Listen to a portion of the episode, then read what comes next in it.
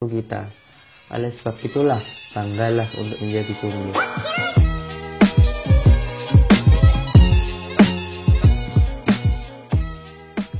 Assalamualaikum warahmatullahi wabarakatuh.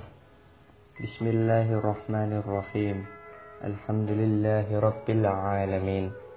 Puji syukur marilah kita panjatkan kepada Tuhan yang Maha Esa, Allah Subhanahu wa taala. Karena atas berkat rahmat, taufik serta hidayahnya kepada kita masih diberi kesempatan dalam keadaan sehat walafiat. Salawat serta salam semoga tetap tercurah kepada junjungan kita Nabi Agung Muhammad Sallallahu Alaihi Wasallam kepada keluarganya, sahabatnya, dan kita selaku umatnya. Amin. Topik yang akan kita bahas pada kesempatan kali ini adalah tentang jomblo. Jomblo pasti tidak akan lepas dengan yang namanya percintaan. Dan percintaan juga tidak akan lepas dengan yang namanya pacaran. Kalau kita bahas tentang pacaran, hal ini sangatlah relevan dengan para remaja seperti kita ini.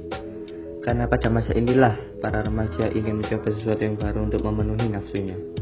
Nah, biasanya Orang yang tidak memiliki pacar akan mendapatkan julukan baru, yaitu jomblo. Para jomblo ini sering dibilang tidak laku.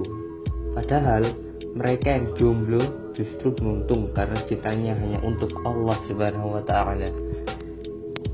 Dan seperti yang kita ketahui, dalam Islam tidak ada yang namanya pacaran. Karena pacaran merupakan budaya barat dan tidak diketahui asal usulnya. Selain itu, jika kita menjadi jomblo atau single, tidak akan ada yang mengatur dan mengganggu waktu kita. Oleh sebab itulah, banggalah untuk menjadi jomblo. Saya rasa cukup sekian pembahasan kali ini. Kurang lebihnya mohon maaf.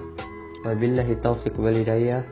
Assalamualaikum warahmatullahi wabarakatuh.